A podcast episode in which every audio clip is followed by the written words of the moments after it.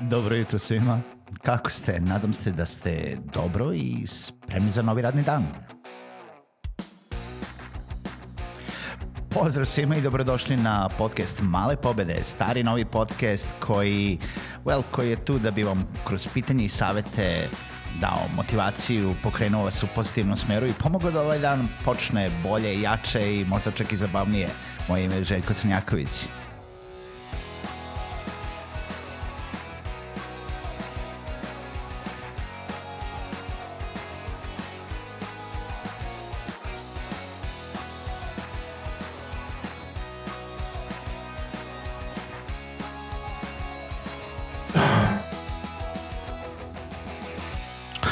Pozdrav svima, dobro jutro i dobrodošli u još jednu epizodu podcasta Male pobede. Nadam se da se dobro, kao i svako jutro do sada.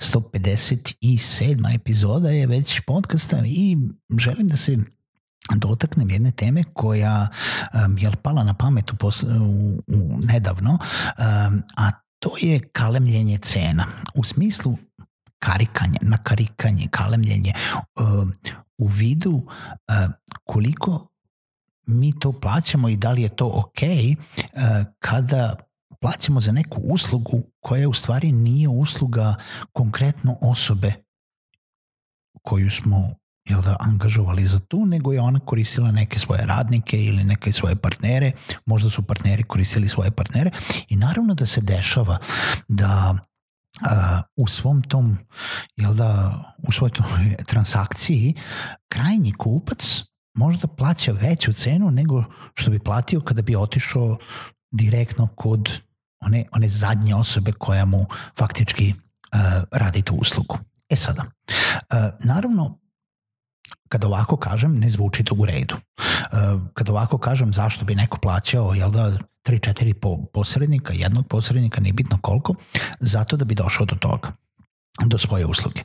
Prva stvar je, većina ljudi možda ne zna kao one krajnje ovaj, e, pružavce usluga ili e, osobe koje će to uraditi. To je ekvivalent toga da li kupujete auto kod posrednika ili odete direktno u fabriku ali bukvalno ne u fabriku o, bilo gde, nego u fabriku koja će vam sastaviti vaš automobil.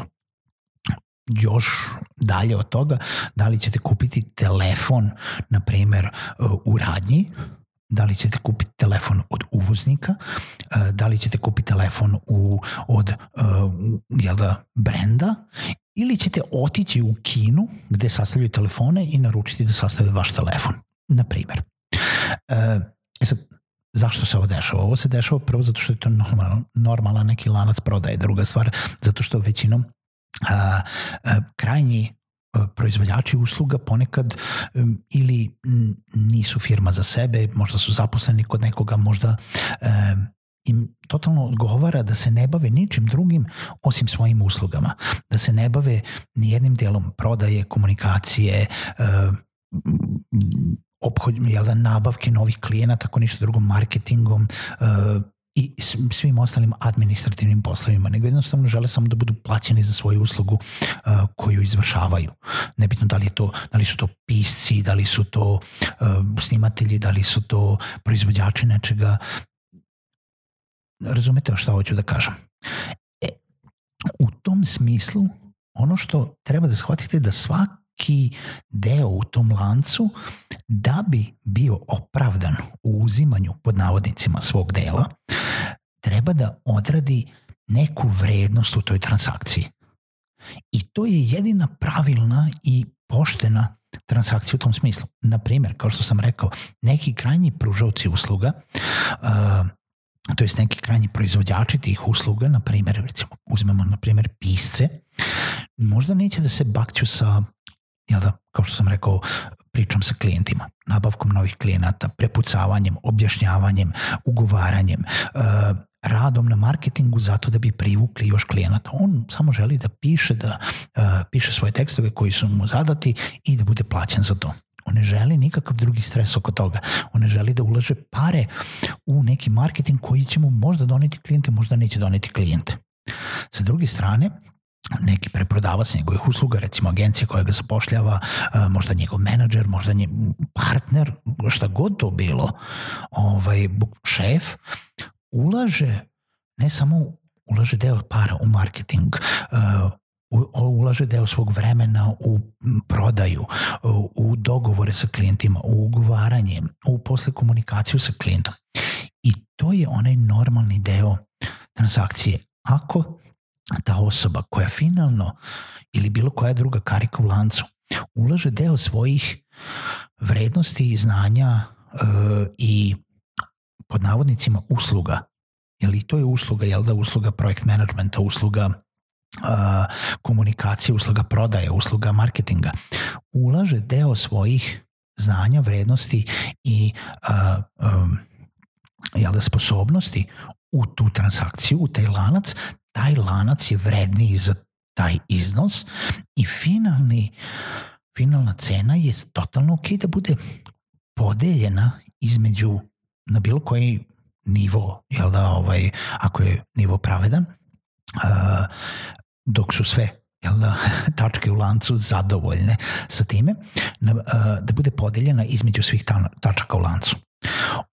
Ono što je nepravedno u svemu ovome i što se dešava jeste to da ponekad neke tačke u lancu ne uzimaju ništa, e, to jest ne daju ništa vrednosti u taj lanac a, prodaje, u taj lanac te usluge, osim toga da uzimaju svoj deo.